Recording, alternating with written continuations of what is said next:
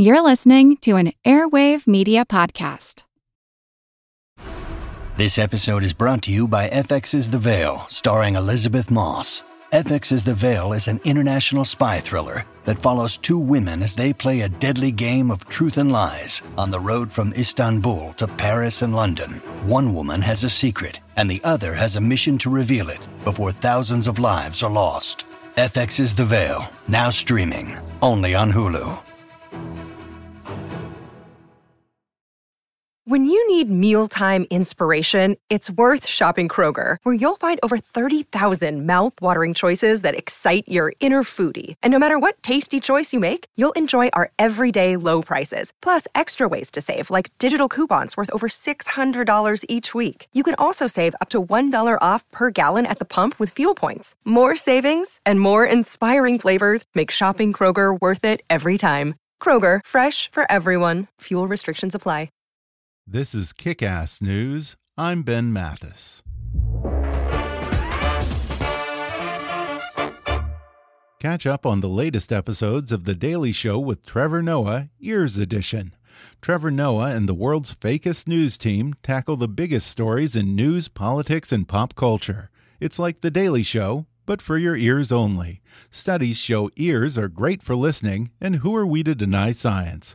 Tune in to The Daily Show with Trevor Noah Ears Edition for highlights and extended interviews available Tuesday through Friday mornings on Apple Podcasts, Spotify, Google Play, Stitcher, or wherever you can get your ears on a podcast. Millions of people face legal problems every year. Take control of your rights with Legal Shield for help on a variety of legal issues, such as preparing a will or fighting a speeding ticket. As a Legal Shield member, you'll pay an affordable monthly rate for access to an entire law firm instead of hefty hourly fees. Get the legal protection you deserve. Visit LegalShield.com and put a law firm in the palm of your hand today with Legal Shield. And now, enjoy the show. Nicholson, you could think of him. Yeah, he could do great he'd be a great Hamlet, just like neither a borrower nor a lender be. and the T-shirts keep for thine self. These are obscure references, but we must. We throw him in just to keep the Uh, audience Shakespeare understood. said, was it not him that said, kill all the lawyers first? But of course, there were no agents then. That's right. Who knew? Who knew? 10%. My, my lord must give up that check for not feeling this. Carpe per diem sees the check, and yet Neil Bush still works. Why? That was a 1991 clip of Robin Williams appearing on The Tonight Show with Johnny Carson. From his rapid fire stand up comedy riffs to his breakout role in Mork and Mindy and his Academy Award winning performance in Good Will Hunting, Robin Williams was a singular, innovative, and beloved entertainer. But Williams' comic brilliance masked a deep well of conflicted emotions and self doubt, which he drew upon in his comedy and in his celebrated films like Dead Poets Society. He struggled mightily with addiction and depression, topics he discussed openly while performing and during interviews, and with a debilitating condition at the end of his life that affected him in ways his fans never knew. Now, New York Times culture reporter Dave Itzkoff paints a compelling portrait of him in a new biography titled Robin. And today, Dave comes on the podcast to talk about Robin Williams' surprisingly patrician upbringing, his time studying to be a serious actor at Juilliard, and his early influences as a comedian. Dave reveals how Star Wars helped Williams land the role of Mork the Ork, and why his shenanigans on Mork and Mindy might have landed him in hot water in the age of Me Too. He discusses Robin's gradual evolution as a movie star, and why at first Hollywood didn't really know what to do with Robin Williams. Then Dave shares how John Belushi's overdose scared Robin Williams straight, what eventually caused him to fall back into addiction some 20 years later, and how a rare disease led to his tragic suicide. Plus, he recalls his favorite personal encounters with the comedian and why he always wanted to give total strangers what he called an authentic Robin Williams experience. Coming up with New York Times culture reporter Dave Itzkoff in just a moment.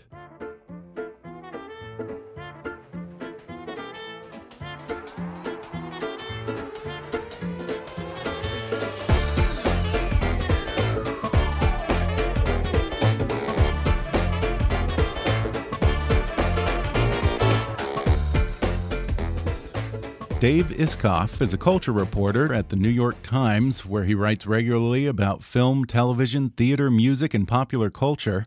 He's the author of Mad as Hell, Cocaine's Son, and Lads, as well as a new book, which is being called the definitive biography of one of the great entertainers of all time, Robin Williams. And it's received praise from the likes of Steve Martin, Amy Poehler, and Patton Oswalt. It's called Robin. Dave, thanks for coming on the podcast. Thank you for having me on. You interviewed Robin Williams a few times over the years and followed his career. Did you come into this project thinking that you had a pretty good idea of who he was and what drove him? And did those assumptions hold up as you began writing this? Uh, in in some sense, they did because uh, the period in his life when I was uh, writing about him and getting to speak to him, uh, you know, he'd been through, I think, a lot of uh, difficult events already by that mm -hmm. point. He had uh, had his relapse into alcoholism and been to rehab to get sober. He had uh, had a pretty painful divorce uh, from his uh, second wife, Marsha. And then he was trying to get started with, you know, what would end up being his last stand up tour, which he called uh, Weapons of Self Destruction.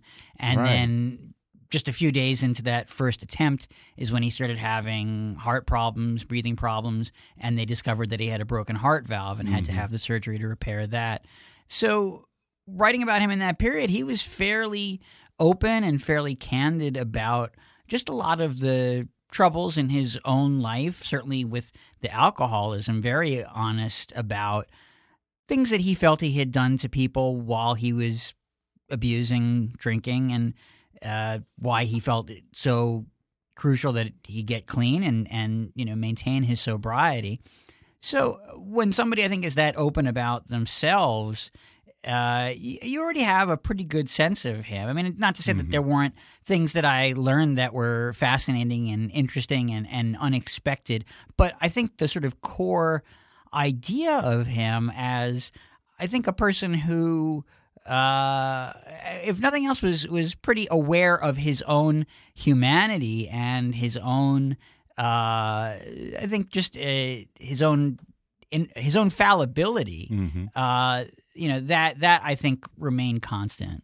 It's been four years almost since Robin's death, yeah. and I remember when it happened people were so shocked and eager to make sense of it that kind of the knee jerk reaction was this trite, sad clown take on Robin Williams.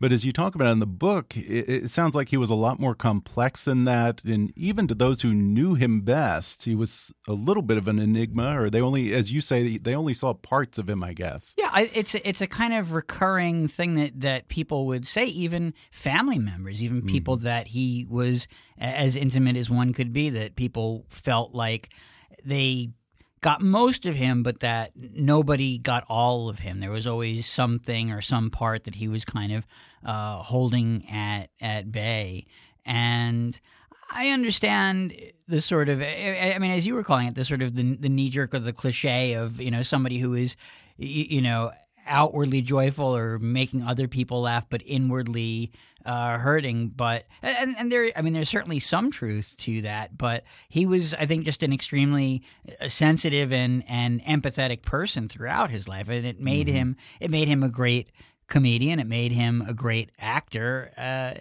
and you know, it just also made him, I think, just very attuned to. Uh, you know what was going on inside of himself and inside of uh, in the world around him. And i think when you're that aware of the world it, it, it puts a burden on you.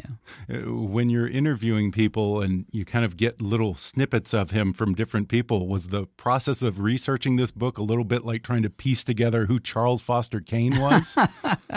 I mean there's no uh, you know I, I wish i wish there were like one artifact at the end that you yeah. know explained everything that i the could sus- or the suspenders, the rainbow yeah, suspenders. I mean, if there is, I mean, maybe it's the the toy soldiers from his childhood. You know, you want to, you know, like if you could save Rosebud before it went into the fire, that's maybe the the closest example. But mm-hmm. it, it, it's it's true. I mean, the the process, certainly the the research and the reporting process, uh, was very much like uh, a little bit of a detective story. Just in that you know, you talk to one person, they turn you on to somebody else. You seek out that person. Maybe there's a dead end or somebody who uh, not interested in talking. You just keep getting suggestions. You keep hearing about other people in in stories.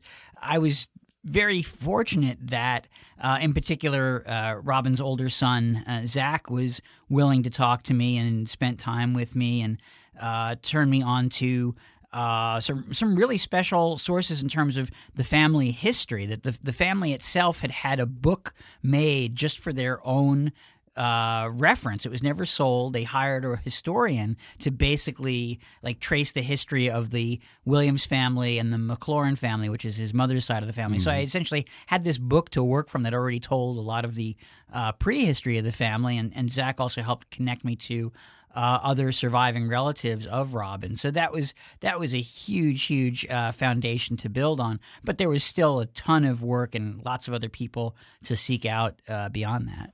Uh, yeah, and I'm skipping ahead a little bit, but you close the book with this great story about a time that Robin invited you to go comic book shopping with him. Uh, yeah. Uh, tell us about that because I think it gives a little window into how he related to people. Yeah, I mean, I sort of saved that for the very end because I, this isn't a book about me and I didn't really want to insert myself as yeah. a, a character or anything, but I did at least want to give people a sense of here's what it was like to engage with him even for for a little bit and it was you know during that same period that I was telling you about when I wrote this particularly long feature about him for the New York Times and in in the course of just interviewing him for that in one of our conversations I mentioned to him, we sort of discovered about each other that we were both big into uh, comic books. And he knew that I was from New York, or I mentioned it to him, and I told him that you know I like to go shopping uh, at a store there called Forbidden Planet, and he says, "Oh, that's that's where I go when I'm in New York, and uh, you know the next time I'm in town, I'll, I'll, I'll take you there." And I mean, it was very flattering, but I also just thought, you know, particularly when you, uh, you know, you interview celebrities, uh, people say things like that. That it's just right, sort of, right. Let's do. Let's get lunch sometime. Let's yeah, hang out. Yeah, yeah no follow up. a little chit that they, you know, yeah. maybe they're trying to butter you up, make sure that you write a nice mm-hmm. story about them, but then they never intend to follow through on. But in this case, he did. That several weeks later, uh, he rang me up and we we met up at the store and it was not for anything that was meant to go into the article. It was just because he really was going to go there and wanted to go there with me. And and uh, it was uh, kind of astonishing really to see how people related to the fact that here he is just in everyday life. He's at a store that other people shop at just like you do. And even though people in New York are fairly jaded by the idea of celebrity and yeah try not to, you know, yeah, act like they they're, care. They're cool about it. Yeah. I mean, somebody of his stature in particular, and I think that just the fact that he was, you know, at least had this aura of approachability. He wasn't mm-hmm. with any kind of entourage or bodyguard or an assistant or anything like that. So the fact that there he was just kind of out in the wild, uh, you know, people really were uh, a little bit flabbergasted. And as just as a bystander myself, I could tell you it is a little bit intoxicating that it, you know there uh, people are obviously not there to see me they don't care but to even have any kind of proximity to the person that they are there to see or that they are excited about. And you you know you have to remind yourself uh, they don't they're not interested in you. You don't you, the moment that robin walks away the moment that you part ways you lose that entirely. This doesn't belong to you yeah, you talk about he felt this need when he met his fans and people in public to give them an, a, a quote unquote authentic Robin Williams experience. I wonder how much of that was also just because of the nature of the kind of stuff that he did, where he's riffing about all kinds of topics and you know improvising and doing characters. You talk about how well read he was and how yeah. much he he informed himself so that he could just jump around from topic to topic. I wonder how much uh, these interactions with everyday people was also about uh, just kind of keeping the creative tool sharp. I think maybe there was an aspect of that. And I think also that he was a person that definitely thrived on affirmation from other people mm-hmm. and to mm-hmm. get that back from even the people he would encounter in his everyday life was was very important to him. It was satisfying to him that he, you know, these other people were happy to see him and on some level Yeah. he knew that it took him sure. it took him very little effort to kind of fulfill that and that person would take that away and maybe cherish it forever Uh, just a, a 30 second or one minute interaction is way bigger for that person but you know add those seconds and minutes up over the course of a lifetime it's a big piece of him and Yeah. that he just kind of dispensed with uh, i think very uh, willingly and it just it but it accumulates You mentioned how they had put together this whole family history of Robin Williams, and I was a little surprised to read about his early life because I don't know why, but for some reason it goes against what I probably imagined as far as his childhood. Tell us a little about that. Well, I, I think you're absolutely right that when we, I think we often think that the kind of upbringing that tends to uh, produce comedians usually there's usually more adversity. Mm-hmm. Is I mean, the sort of classic example I think would be somebody like Richard Pryor, who is Yeah. literally you know growing up in the the whorehouses of Peoria, Illinois. And that was not Robin's upbringing at, at all. That his family was very well off, and you know he did move around a bit between uh, Illinois and and Michigan because his dad was a Ford executive, so he's going where the company needs him, but. Very, you know, posh suburbs, uh, and in in some cases, you know, they're living in actual mansions, houses with, you know, thirty or forty rooms, and way more space than you know a family of two with one child needs. And Yeah. you know, his dad, uh, you know, was descended from a kind of industrialist family from the Midwest. They already had money. Uh, his dad was a you know World War II veteran and very kind of uh, upright and you know kind of guy who believes in the value of a hard day's work. His mom was I mean, literally descended from a kind of Southern aristocracy that her uh, great grandfather had been a Civil War hero and both a senator and a governor of uh, the state of Mississippi. And also, you know, there was money in that family. And uh, by the time they had Robin, you know, the dad is uh, often busy with work, traveling quite a bit. His mother uh, was very much a socialite and busy with, you know, her own functions or organizing events. Uh, so uh, Robin kind of felt like he didn't get a lot of time with them, a lot of access to them, and uh, really craved their affirmation first, and found it hard to uh, to come by. And even though uh, you know, in every school that he attended, and uh, you know, he always had friends, he was popular, uh, but he also felt very lonely. And you know, he literally, you know, by the time they're living in uh, this one mansion in uh, Bloomfield Hills called Stonycroft, he was basically given, you know, the whole attic of that house to himself, where he would. That's where he played with the toy soldiers and would Yeah. create these kind of massive battles with hundreds, if not thousands, of these soldiers. And that's where he would create voices and characters for these uh, combatants. So that, on the one hand, it became a kind of early uh, sort of comedic laboratory for him, but it also, again, fostered that feeling of being alone. And that is something that he absolutely carried with him his whole life. Uh, you know, I've had a lot of comics on the show, and it's often the old story of dad was strict and didn't approve of my clowning around, but mom loved it, and I just lived to entertain her and make her laugh. Does that ring true in Robin's case? Yeah, I think that, that Yeah. you definitely see, uh, you know, those kind of archetypes, Mm-hmm. uh, you know, playing out. And his mother was was really quite uh, a riot. I mean, despite her own upbringing, she had a sense of humor that was very uh, bawdy and a little bit uh, unpredictable, and she loved practical jokes. There's a there's literally um, like a Dick Clark mothers uh, celebrities and their mothers special that was made in the early '80s that Robin and his mom appeared on together, and his Really? mother on the special demonstrates this joke that she loved to do and that he sort of picked up from her, where she takes a rubber band and she cuts it you know, in the middle so that it just kind of dangles and she wads it up into her nostril and she sneezes so that the basically this long rubber band is just dangling out of her nose. And that was that was like a bit that she taught him. And you can really clearly see the origins of Robin Williams in in moments like that. Yeah, typical Southern Belle. Yes, exactly. now, how did he get Scarlett in- O'Hara right Yeah. there. Yes. How did he get into Juilliard? Because I, I don't think a lot of people realize that. But he spent what a semester or a year at No, Juilliard. he spent three years. Three at years. Juilliard. Okay. Yeah, he was one one year shy of graduation. uh, it, it's funny because he. I mean, we were talking about this earlier that he gets this kind of reputation as a comedian who one day woke up and decided to become a Mm-hmm. serious actor, and that's really not at all how it uh, how it how it happened for him. And in fact, his interest in acting came first, and that's what he was very sincerely pursuing before he kind of fell backwards into into comedy. That the first college he attended was uh, Claremont College, and that's Right. where he was sent. Really, his father wanted him to pursue a more sort of white collar career, and Robin, for a moment, even thought he might become a diplomat.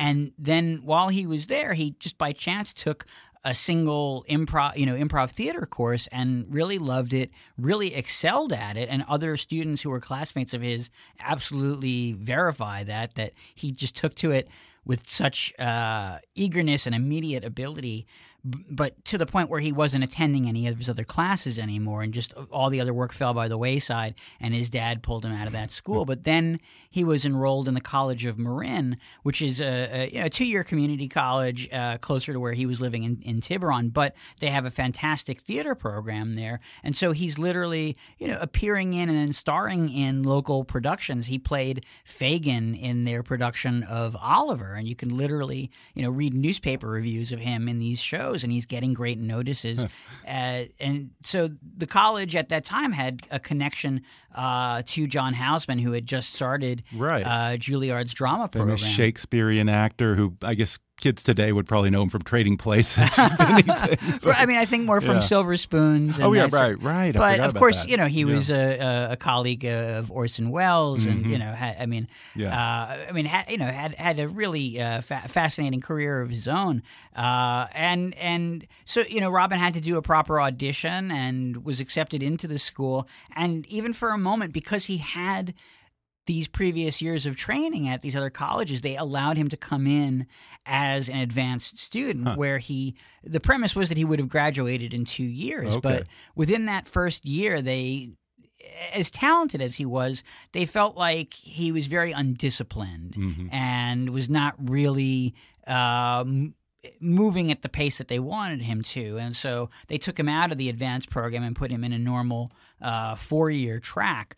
But then after those three years, uh, they're still they still felt that the discipline problems did not go away, and he was really, I think, also kind of chafing at you know, really how regimented and traditional their program was. And he really wanted to try other kinds of acting. Even while he was a student there, he would go out into the streets of New York and perform mime just for donations or just for the heck of it. and uh, so it was really kind of by a mutual decision that he uh, withdrew from, from Juilliard.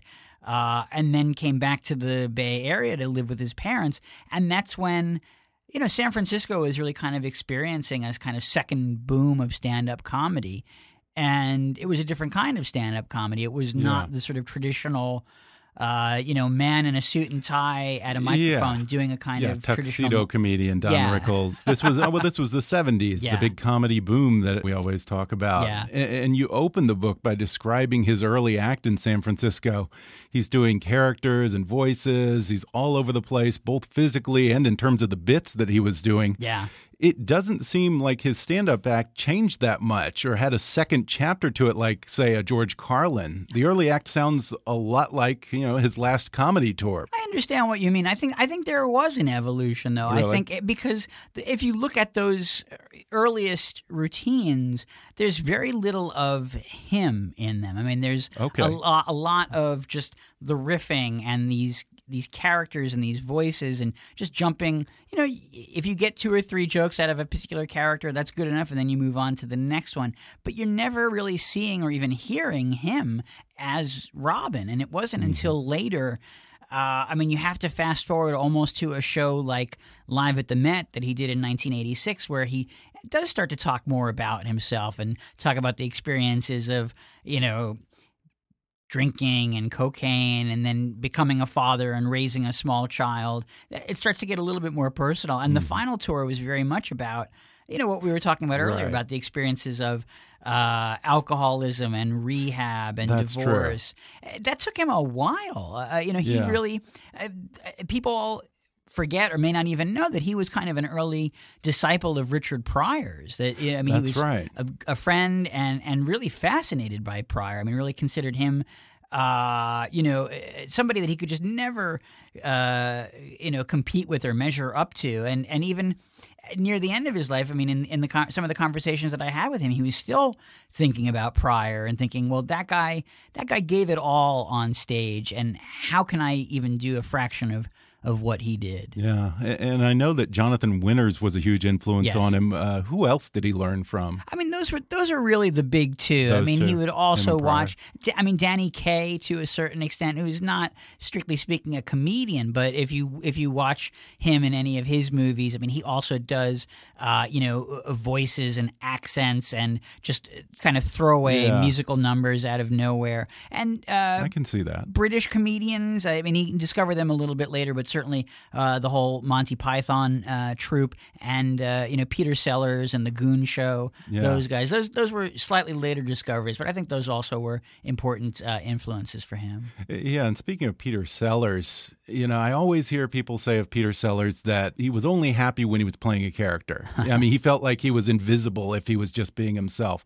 Do you find that that's a similar case with Robin, or I mean, I, I don't know if I would. I don't know if I go quite that far, but certainly there was. I mean, there there is a consistent uh, sort of theme that crops up, and, and certainly earlier in his life when he, for example, when he's meeting uh, his first wife Valerie for the first time, and he's bartending at the Holy City Zoo, and he rolls up to her and he's talking in a French accent and pr- basically spends the whole night pretending to be French. And she never, it's not really until the very end of that night that she finally, you know, gets wise to the deception. Or the first time that he's introduced to Pam Dawber when they're, you know, shooting uh, publicity photos for Mork and Mindy.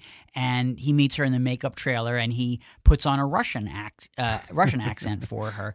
And, you know, it's partly to entertain these people and to get a laugh out of them. But there is a certain kind of uh, defensiveness or protectiveness on Robin's part that he is withholding his true self from these people. Partly, I think, in fear of being judged or being rejected. That if they, if they met the real person and didn't like him, then what would he do? You mentioned his first wife Valerie, who participated in the book, and she was around for his cocaine days and his early reckless behavior. Yeah. Uh, what kind of insight did she bring to this? Well, it's pretty remarkable because you know she met him right at just really right before his career really exploded. Uh, you know, meeting him, you know, in San Francisco as he's kind of getting, uh, you know, connected to that comedy scene, and then uh, going with him down to L.A. to you know try to see if he can make it down there. And so, on the one hand, she gets to see that rise and that kind of you know rocket like uh, takeoff, but she never felt like she got to come on the ride with him. Uh, that uh, you know, she felt like, it's particularly in the sort of the social scene in L.A. and in Hollywood, that people were only ever interested in Robin and not in her. That he was the famous one and she wasn't. That she was somehow a kind of you know, an impediment or a roadblock to people who wanted to get to Robin. She tells a story in the book about how when Ro- uh, when Robin uh, signs with the management firm of Rollins Joffe, which is the Yeah, you Woody know, Allen's managers, Exactly. a lot of big people. Yeah, the real powerhouses. And that's a moment when it's clear that something big is going to happen to Robin as a result of that. That the managers take her out to lunch and they tell her, you know, your husband's going to be a big star and he's going to be rich and you'll have lots of time to go shopping. And you know that's not that's certainly not the life that she imagined for herself. Yeah. She's a creative person, and at the time she was a dancer and dance instructor, and had her own you know creative aspirations, and that just was never how she wanted to live. We're going to take a quick break, and then I'll be back with more with Dave Itzkoff when we come back in just a minute.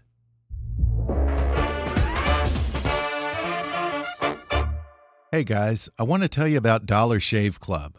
Dollar Shave Club delivers everything you need to look, feel, and smell your best. You name it shampoo, conditioner, body wash, toothpaste, hair gel, even body wipes. Dollar Shave Club is my one stop go to for all of my toiletries, and I've especially become a huge fan of their amber and lavender calming body cleanser. It smells absolutely fantastic, and it's a great way to get your day going.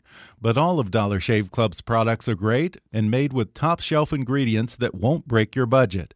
Plus, shipping is free with your membership.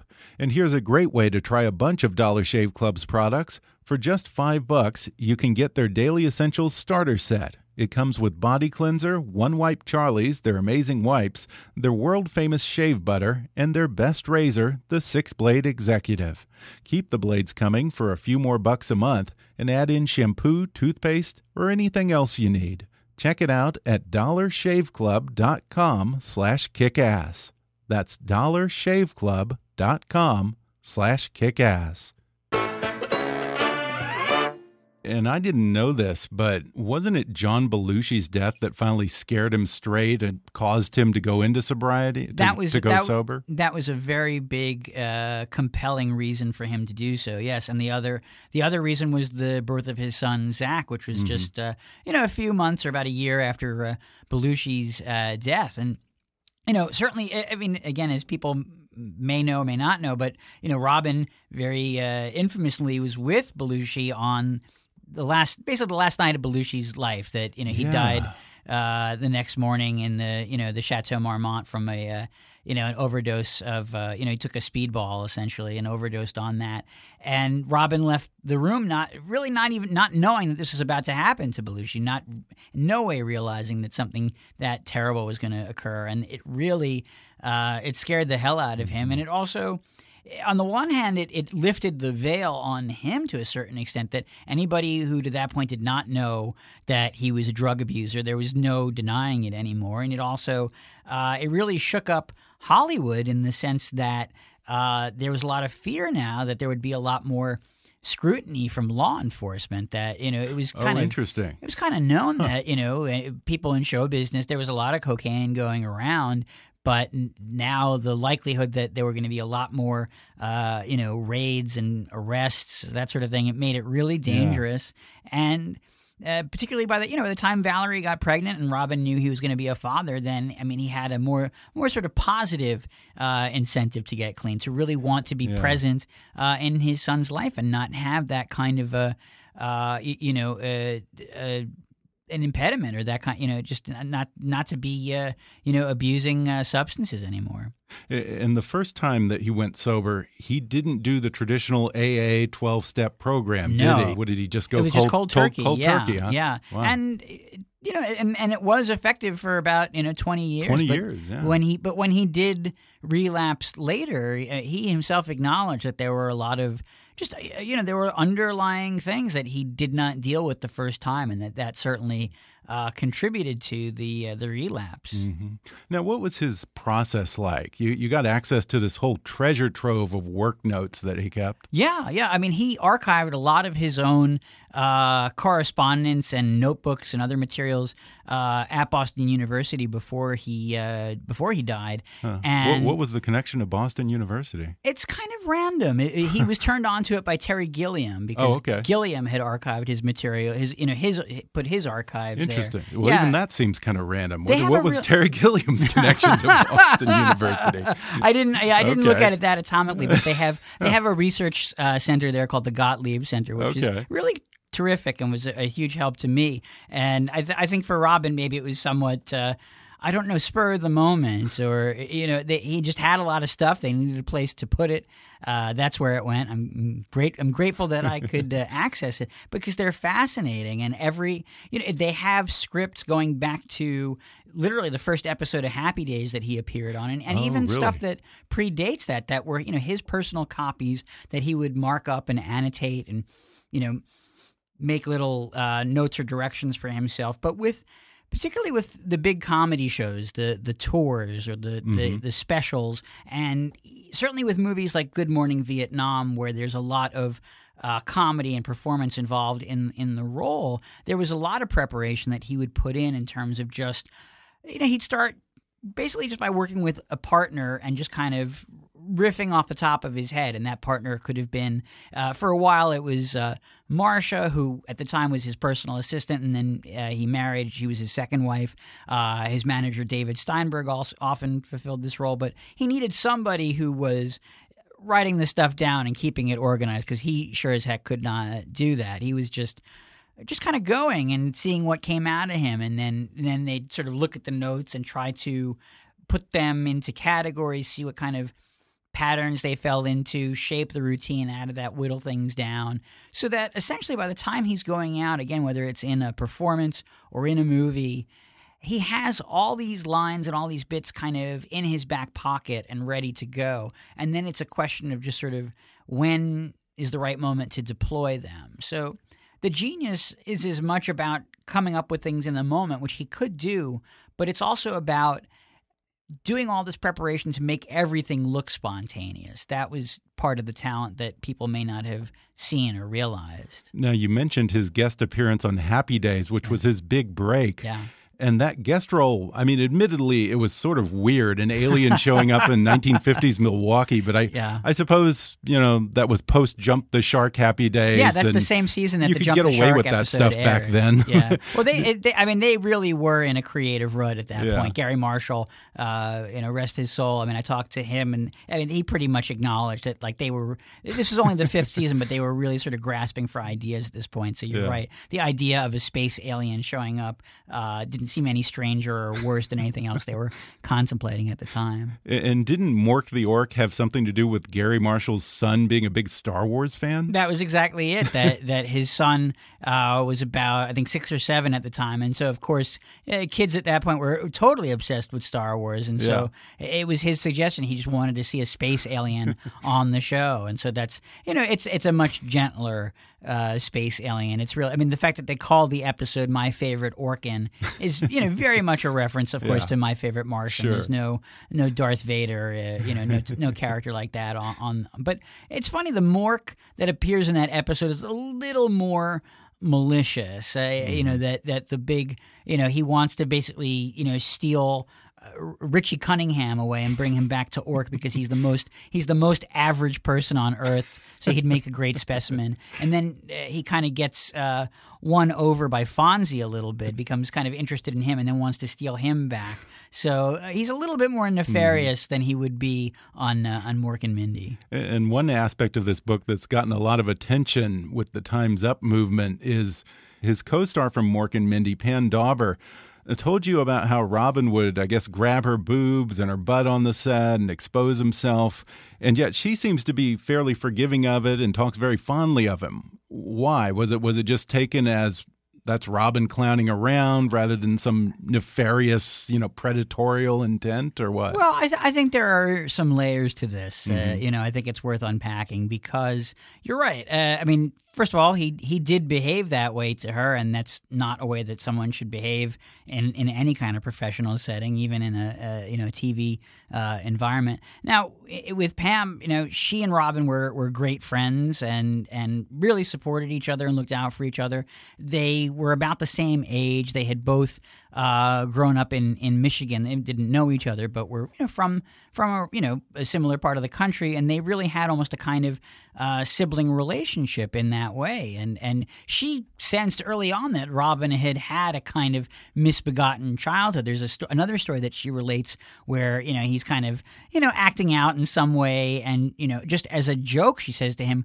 Who raised you? The household help, and and he says, "Yeah, Yeah. and he's not kidding that you know he basically saw you know his nanny as much as his own mother uh, at times growing up uh, so you know they they they looked out for each other in that way but robin also uh, I mean, that was a way that he related, particularly to, to women. And, and people describe that also in his early uh, stand up acts, that sometimes he would just grab a woman's breasts out of nowhere and kind of, you know, make honking noises. And people thought it was a, a riot.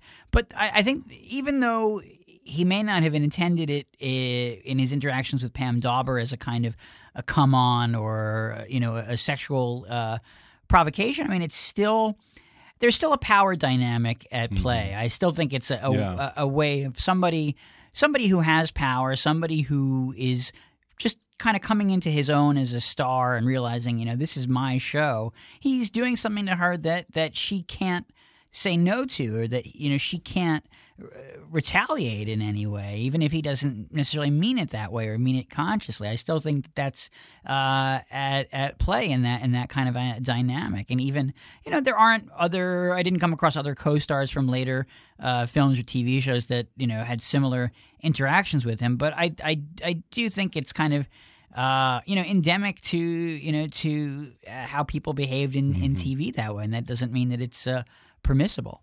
Uh, Yeah, and it's funny because that era of Robin Williams is so indelible to me. I remember, you know, Happy Days and Mork and Mindy were my shows when I was a Yeah. little kid. And I, I remember some of those early movies. Most people just know him as a huge movie star, but like some of those early films were a bit of a mixed bag. You had big bombs like Popeye, you know, and it almost seems like in the early, maybe the first 10 or so years of his film career, Hollywood just didn't really know what to do with him because you know everything that he was best at improv and impressions and all these off the cuff bits don't really translate well into a movie? No, no, it really was not until uh, Good Morning Vietnam, and that's a good, Yeah. you know, five or six years after uh, Mork and Mindy gets canceled that you know he finally had a big, uh, you know, commercial and critical hit.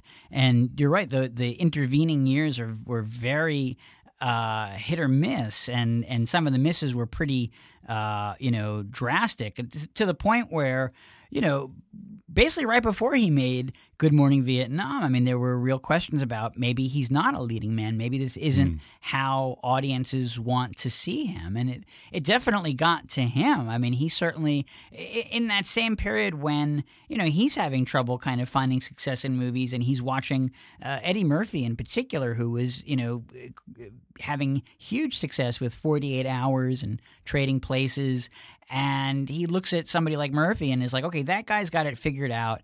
He knows what to do in film, and I don't. And maybe so maybe that's just not going to be the the venue or the vehicle for me. Uh, yeah and his early successes like good morning vietnam or uh, like dead poet society where uh, half the film would just be Robin being Robin and doing his shtick, and then he would start to dabble in the serious aspects when he essentially wasn't on stage in the film. Yeah, I mean that's I mean it's certainly what works so well about Good Morning Vietnam is I mean that that in particular was a film that was very sort of uh, deliberately developed in that way to be a kind of showcase for everything that Robin could do and to take advantage of all those different skill sets, both the sort of the comedic side and the dramatic side, uh, and and you know Barry Levinson in particular, but other other directors that Robin had success with. I mean, the ones that used him best came to understand that you know to to get a good film performance out of him, you had to kind of give him a little bit of of rope to try out some improvisations. You sh- if you're going to mm-hmm. shoot a scene, you do a couple takes of what's in the script. You let him do a few takes of just his own improvisation or whatever he wants to do.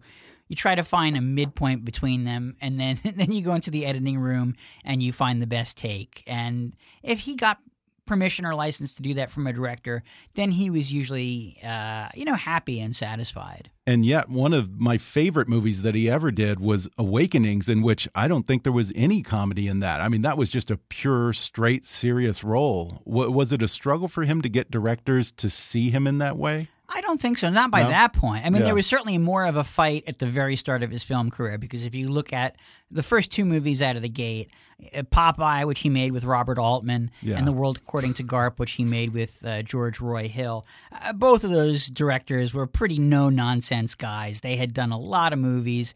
Uh, you know, Hill had won Oscars by that point. Uh, Altman was pretty acclaimed and pretty, you know, pretty well known for the kinds of movies that he made, and neither one of them wanted Robin to improvise. Really, I mean, it was certainly it was a conflict between him and Altman on Popeye and on Garp. I mean, the first few days of shooting, if Robin tried to improvise at all, Hill would just call cut for the day, and you know he's basically teaching Robin the lesson very early on. This is my set and not yours. Little by little, you know, Robin started to earn that right or win Hill over some more, but uh, it was something that Robin always desired on all of his films. And the more successful he became, and the more of a known quantity he became, uh, directors certainly understood that of him. He had this massive run in the 90s, culminating with winning an Oscar for Good Will Hunting. And then, as if it's sort of flipping a switch, after the turn of the millennium, things start to fall apart again for him. He starts drinking again. His marriage of 20 years ends. What was the catalyst for all that? Well, I, I think it's just it it it's so many things. It's it's not really any one thing that I think you can uh, point to. Certainly, you know, his relapse occurred depending on how you want to measure it, so, somewhere in the early 2000s, and by that point, he'd experienced a lot of loss. His uh, his mother died in uh, 2001, and and that was certainly tough on him. Uh, he starts losing friends like Christopher Reeve and Richard Pryor, Right. who he has seen go through. Uh, you know, fairly debilitating uh, illnesses and conditions. Uh, you know, Reeve, of course, you know was was paralyzed uh, in the the uh, horseback riding accident, and Pryor had had MS, and a couple other friends that he also saw die, and so that was very tough on him. It's also a period where he's he's making some very dark movies, things like uh, One Hour Photo and Insomnia. I mean, playing Right. characters who either were outright serial killers or people who wanted to try to commit awful crimes. Yeah. And he did a lot of immersive kind of study of like actual tapes of confessions from serial killers to try to like you know pick up on their qualities. Um, some of these movies, like uh, Insomnia and another one called uh, The Great White, he's literally filming in like these very remote locations. Uh, you know, either in like remote parts of uh, Canada or the Yukon, Alaska. So oftentimes he'd be uh, by himself and only with you know his makeup artist and his assistant are the only people he knows in the production and uh, either you know he's just kind of melancholy about his career or about his life in general and he starts to fall back into these kinds of old patterns of behavior where mm-hmm. you know when when he would perform stand up particularly you know in in the 70s and in the Hollywood era it wasn't just that he would go out and do a bunch of shows but he would go to the clubs and then afterwards would just go out all night and party and drink a lot do drugs you know hook up with other women. And so in a sense that that behavior is still very much ingrained in him to some degree that he still knows that that's a way that he can make himself uh, feel good so uh, that's when he starts to uh, to drink again I remember when he finally took the role on the CBS series. Uh, I forget the name of it. The it? Crazy Ones. Cra- yeah, the crazy ones. I remember when that happened, people said that he was just doing it for the money, and I started to hear that he was having all these financial troubles. I mean, he had- never. he I don't think there's real. I, Was I, that true? Yeah. I don't think there's really evidence that, that, you know he was hard up for, for cash in that way. I think it has more to do with the fact that he, he lived a certain lifestyle, and certainly by the time he was making the crazy ones, uh, he was he was married again. He had just gotten married for the third time in, in 2011, and I think wanted his wife uh, to enjoy a certain way of living. You know, feel like you know he was really uh, uh, pampering her in in some way. And in order to do that, I mean, you certainly need, uh, you know, a pretty set, uh, steady uh, stream of income, and that was part of what the Crazy Ones uh, was, you know, intended to do for him, and that he hoped would do. That you know, I think he was paid something on the order of like one hundred and fifty thousand dollars uh, an episode for that. So you know, in a twenty-two episode season, you can you can do okay. And you know, it was a David E. Kelley show, so on paper that Oh, sounds right. pretty Yeah. good. And Yeah. on CBS, where at least as a network, they kind of have a, a reputation for sort of reinventing or reinvigorating, you know, people from past eras of TV history. Yeah. Uh, but to watch the show, I mean, you could really see how it was just not uh, the right vehicle for him. He was trying, and uh, he wasn't operating at hundred percent anymore. But the energy was, you know, a lot of it was still there. But it just, I, I don't know if it was just the, the single camera aspect of it. There was no laugh track, and you, see, you hear him cracking jokes or you know riffing with the other cast members, and then just silence, just kind of uh, you know dead air or incidental music, Yeah. but no reinforcement from an audience. It just didn't work that way. Now, I mentioned that it's, I guess, almost four years since his suicide in August. Um, when it happened, a lot of people assumed that it was drug or alcohol related. And it, it sounds like the family has been somewhat eager to set the record straight on this. I think it's Is tough that for them okay? I, because it, of course, caught them all off guard, even though they knew that he was uh, suffering at that time. But I think it was very hard to kind of go into public and tell people what what had occurred because uh, beyond the sort of um, you know let's the initial let's say like a you know a police report and a, a statement uh, you know from his uh, widow at the time. I mean there was the initial statement from his widow made reference to the fact that he had been battling depression recently. So I think a lot of people, understandably or however, I mean they they took that to mean that somehow uh, you know, he was just really upset with his life in some way, and, and that's that's why he did it. Then a few days later, uh, there was a, another statement from his widow, and, and it was also true that uh, in his own lifetime he had been given a diagnosis of Parkinson's disease, and Yeah. he was experiencing a lot of the symptoms that are. Uh, you know that that Parkinson sufferers uh, do do exhibit in terms of uh, motor problems, physical Mhm, uh, tremors. yeah, Yeah. stiffness and posture problems, that sort of thing. Uh, so I think the people then sort of drew the conclusion, oh, okay, he knew he had something that was going to be progressive and debilitating, and so he didn't want to live through that, and that's why he did it. And it wasn't until many months later, after his autopsy, and in fact, some of his uh, brain tissue was analyzed, and they found evidence of what's called uh, Lewy body disease, which Yeah, is what is that? I've never heard of that. yeah, it's. I mean, it, it's it's somewhat akin to Parkinson's in that both of them come from uh, a buildup of proteins in your brain that usually you know your brain would produce in a normal level, but in excess they become toxic. And so with Parkinson's, that's attacking again the the motor part of the brain primarily. With Lewy body, it's also attacking other parts of your brain that have to do with uh, just judgment and perception and, and rational thought. Interesting. And so uh, the people who have this, they can also experience uh, just really, really high like anxiety and paranoia. Uh, some people have uh, hallucinations. There's often you know very wild kind of mood swings associated with it. Uh, some people.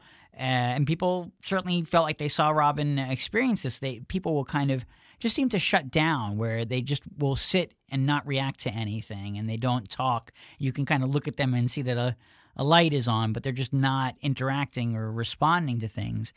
Uh, so, uh, you know, given that, it's there. There are, you know, friends of Robin's, people who saw him in those last weeks who retrospectively feel like they had encounters with him that they thought maybe that was his way of trying to kind of, you know, settle accounts with them or say goodbye in in some way. But it, it there's really, Really? there's no way to know, you know, conclusively if he even, you know, in those last moments, like, you know, kn- knew exactly what he was doing or mm-hmm. n- knew that he was himself. hmm Uh, and it's hard. I know, you know, we'd all like closure on this. We would really like a kind of, you know, a you know a results in B kind of answer to it. And I don't know that we will ever really have a kind of uh, clear resolution on it. There are a lot of unanswered questions with Robin. And for you, who actually spent some time with him and interviewed him over the years, there must have been some moments while you were researching this book when you just felt like you could have kicked yourself because Yeah. you wished that you had had the presence of mind to ask him about this or that when you had the chance. Uh, Absolutely. I what- mean, even even just banal things like. Yeah. I mean, it's funny. One question that I'm often asked was like, "What of all the movies that he made, what was his favorite?" And I I don't have an answer to that. I Mm-hmm. wish I wish I had asked him that. I imagine I imagine that answer might have changed at, at different times in his life. But Sure. even to be able to know that uh, concretely is sort of like, oh, why didn't I ask him something that Wha- simple when I had the opportunity? what did you most want to ask him if you could have?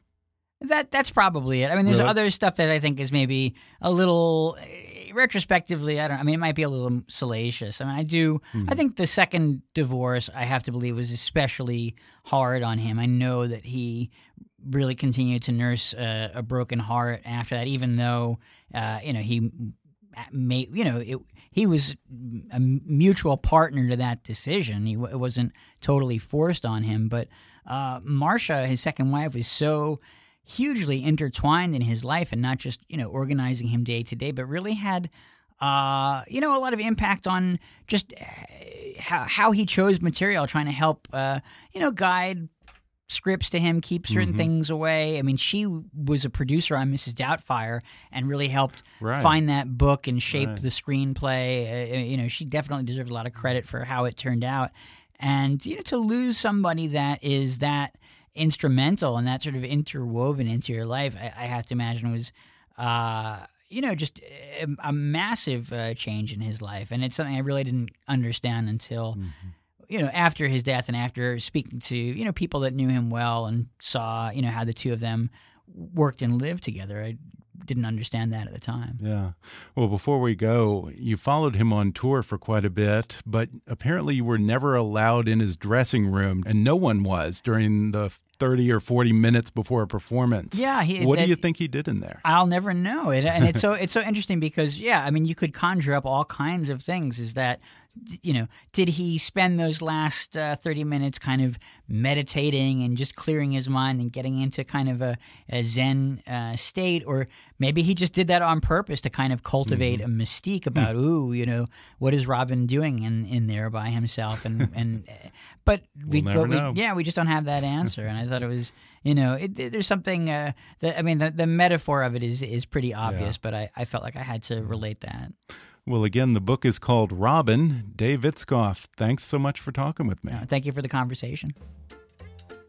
Thanks once more to Dave Itzkoff for coming on the show. Order his book Robin on Amazon or Audible.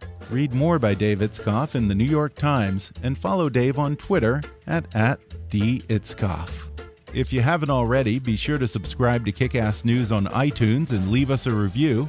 You can follow us on Facebook or on Twitter at, at KickassNewsPod. And as always, I welcome your comments, questions, and ideas at comments at kickassnews.com. I'm Ben Mathis, and thanks for listening to Kickass News.